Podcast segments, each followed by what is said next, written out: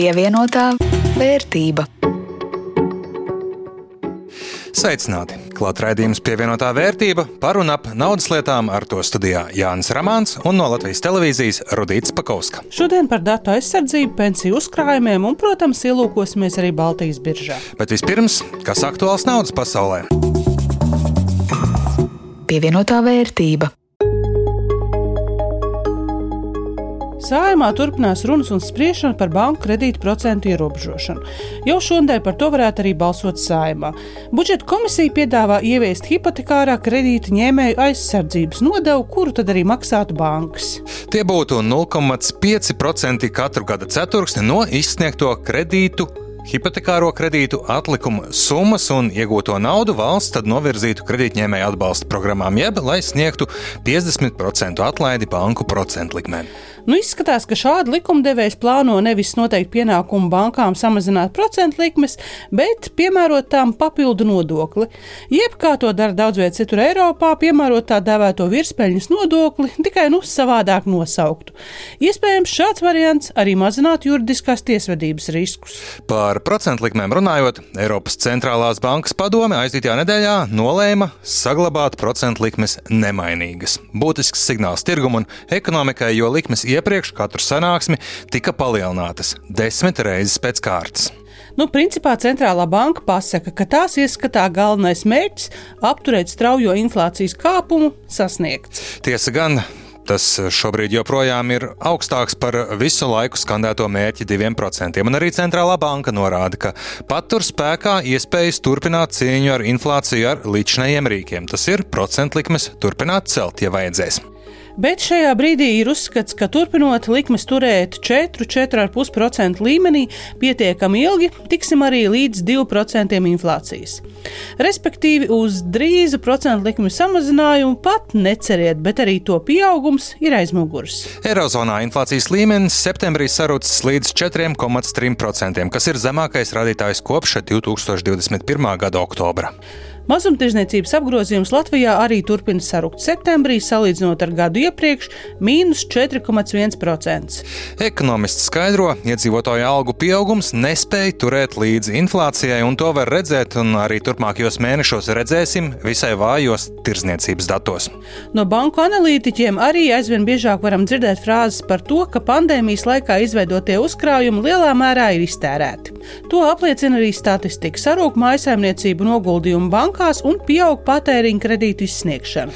Un vēl saimā nonācis nākamā gada valsts budžets. Finanšu ministrija plāno ieņēmumus 14,5 miljārdu eiro apmērā, savukārt izdevumus par teju 2 miljardiem eiro lielākus - 16,2 miljardi. Valsts parāds tiek prognozēts 41% apmērā no iekšzemes koprodukta, jeb 18,6 miljardi eiro. Un jāatceras, ka līdz ar banku procentu likmju kāpumu būtiski pieaug arī valsts parāda apkalpošanas un pārfinansēšanas izmaksas izmaksas. Redzēsim, ko saimā vēl ar nākamā gada budžetu sastrādās. Bet nu laiks sausīties visiem tiem, kuri tur roku uz pulsa un seko līdz saviem pensiju uzkrājumiem otrajā līmenī, un tam, kurš no pārvaldītājiem rūpējas par šo naudu. Tirgu jau ilgstoši darbojas septiņi pensiju otrā līmeņa līdzekļu pārvaldītāji, un nu tiem pievienojas arī astotais - Vairo. Vairo paziņoja, ka ieguldījumus veiks pasaules uzņēmuma akciju fondos. Interesanti, ka uzņēmuma kodolu veido vietējie uzņēmēji, kas pārstāv dažādas nozares, sākot no kosmētikas ražošanas, beidzot ar izdevniecībām. Vairo dibinātāju vidū ir arī vairāk bijušie Svetbanka vadības pārstāvji. Linda Zalāna skaidro, kādas konkurences vēsmas tirgu nesīs vairo un kādi varētu būt iegūmi klientiem. Šī ideja radās precīzi pirms gada, kad eh, mēs tādā, var teikt, šaurā finansistu lokā apspriedām šo ideju un visiem šī ideja iepatikās. Un tāpēc mums arī ir 12 eh, projektu dalībnieki, akcionāri, no kuriem seši ir eh, bijušie augstāka līmeņa finansisti. Ieguldījumu pārvaldes sabiedrības vairo valdes priekšārētais Ilja Arēfjevs stāsta, ka dombiedri sardzēja Latvijas tirgu potenciālu, jo privātpersonu uzkrājumi, to starp pensiju uzkrājumu, aizvien pieaug. Turklāt ik gadu apmēram 10% klientu maina pensiju pārvaldītāju. Rotācija ir pietiekami liela un tas paver iespēju jauniem tirgus dalībniekiem. Viņš atklāja, kāds ir vairo tirgus iekarošanas plāns tuvākajiem gadiem. Jau pirmais darbības dienas mums bija uzticēts vairāk kā 1 miljons eiro. Tagad no šis būs pagājušajā nedēļas beigām mums jau bija vairāk kā 2 miljoni eiro. Mēs faktiski vēl neesam sākuši aktīvu klientu piesaisti, mēs tikai strādājam pie tā. Un pirmais pāris gados mēs plānojam piesaistīt 20 vai 30 tūkstošu klientu, kas jau ir pietiekami, lai sāktu mūsu sabiedrību piedāvāt cits investīciju produkts. Un mums ir ilgtermiņa plāns, kas pat, eh, patiesībā ir domāts vairāk kā pieciem gadiem, pat septiņiem gadiem. Bet, protams, ka izšķirošie būs pirmie darbības gadi, un viss būs atkarīgs no tā, cik strauji mēs audzēsim pensiju otrā līmeņa klientu skaitu. Faktu, ka pensiju otrā līmeņa klientu bāzes audzēšanai un nozīmīgas tirgus daļas ieņemšanai būs nepieciešami vairāki gadi, apliecina arī Indekso valdes priekšsēdētājs Valdis Siksnis. Indekso parādīšanās tirgu tiešām sapurināja un iepūta dzīvību tādā nu, pīļu dīķī, un konkurence noteikti sāsinājās, no kura ieguvējis sabiedrība kopumā. Indeksā vajadzēja sešus gadus, lai kļūtu par trešo lielāko pārvaldītāju eh, tirgu. Bet jā, rezultāti ir noteikti ļoti atšķirīgi. Ir tirgus eh, dalībnieki, kuru tirgus daļa nemainās vai samazinās. Tas ir atkarīgs no, no inovācijas, no, no produkta, kas tiek piedāvāts, kādas ir racionāli argumenti. Un, protams, tas arī atkarīgs no, no prasmes eh, sevi pārdot, veidot šo uzņēmumu stāstu.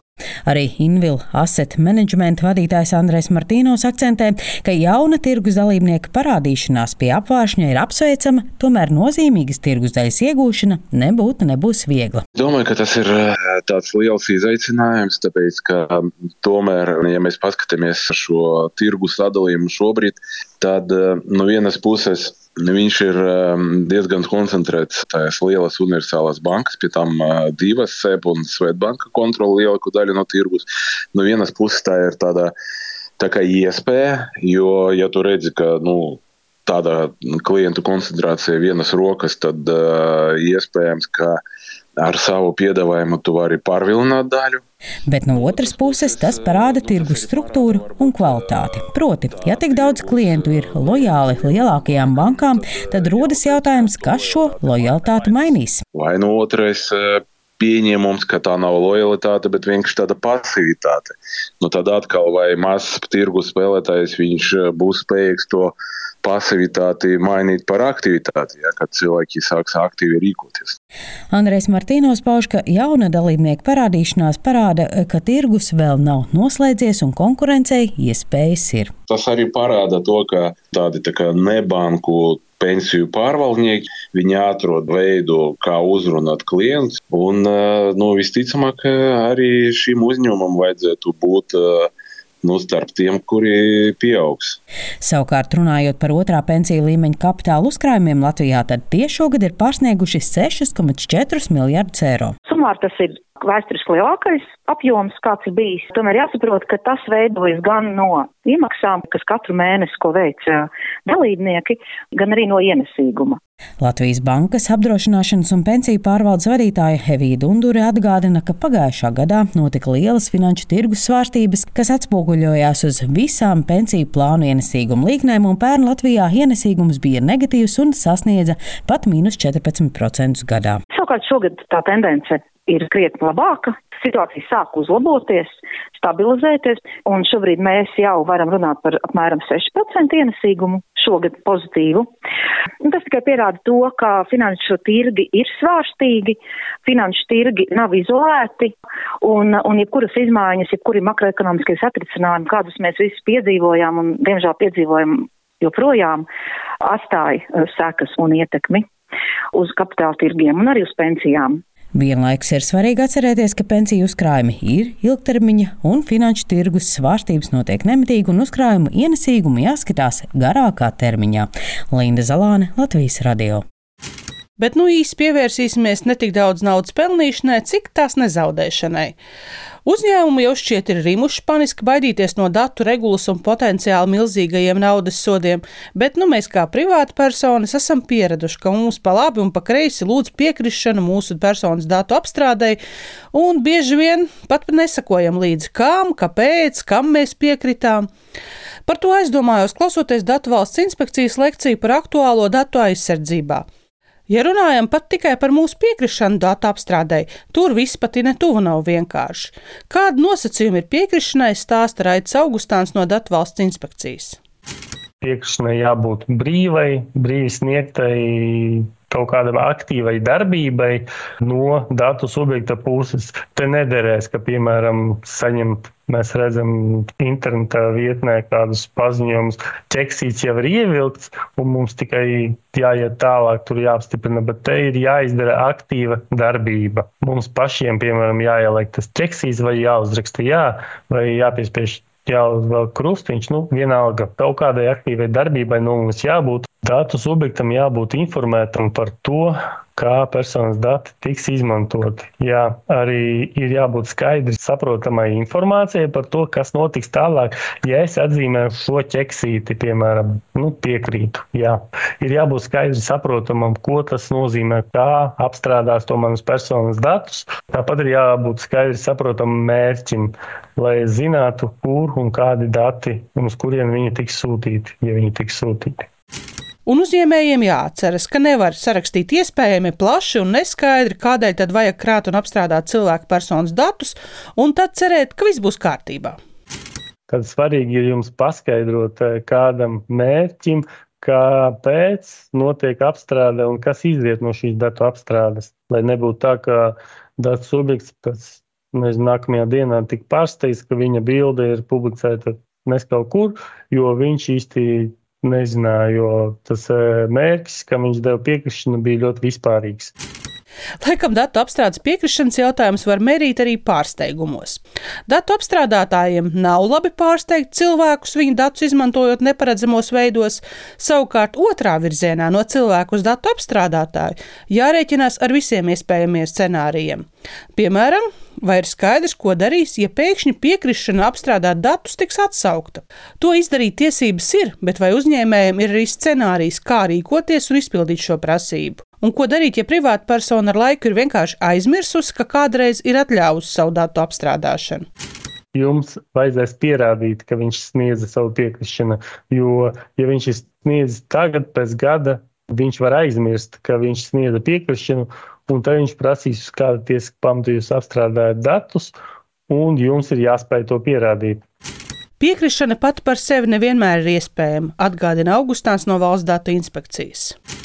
Viņu nevar piemērot, kad nebūs vienlīdzīgu attiecību, piemēram, darba devējs un darba ņēmējs.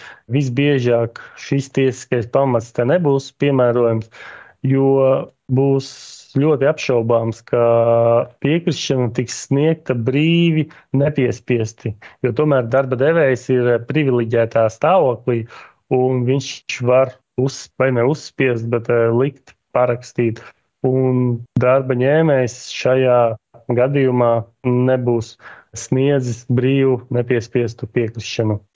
Vienā mazā datu aizsardzības aspektā pietiekami daudz sarkano karogu. Gan tiem, kam datus nepieciešams apstrādāt, gan tiem, kuru dati potenciāli varētu tikt apstrādāti.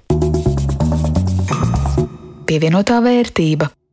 Baltijas biržā aizdītā nedēļa sarkana mīnusos. Lielākais kritums ir Viļņā, tur 1,25% lejup, Rīgā un Tallinā līdzīgi, bet mazāki mīnusi attiecīgi 0,29 un 0,22% lejup. Nu jā, un likuma sakarīgi manam portfelim arī krietnes kritums - gandrīz pusotrs procents mīnusā, un portfeļa vērtība aizvadītajā nedēļas nogalē bija 441,98 eiro. Tikai nesaka, ka tas nozīmē, ka man ir apsteidzis. Nu, loģika radīts saka, ja mums abiem ir mīnusi, tad diez vai es tev varētu kā apsteigt. Man kritums ir nepilns eiro, un kopējā vērtība portfelim 429,49 eiro. Tā kā 10 eiro starpības starp mūsu abu portfeļiem, kā turās, tā turās. Redzēsim, ko nesīs šī nedēļa. Galu galā arī uzzināsim, kā akciju sākotnējais piedāvājums izdevies alūksnes putnu fermas grupai. Pievienotā vērtība. Ar to izskan šīs nedēļas raidījums pievienotā vērtība. To veidoja Rudīts Pakausks no Latvijas televīzijas un Jānis Ramāns. Par skaņu rūpējās Ulds Grīnbergs. Atgādinu, ka šo un visus iepriekšējos vairāku gadu garumā raidījumus var dzirdēt Latvijas radio arhīvā, raidierakstu vietnēs un arī Latvijas radio aplikācijā. Pievienotā vērtība.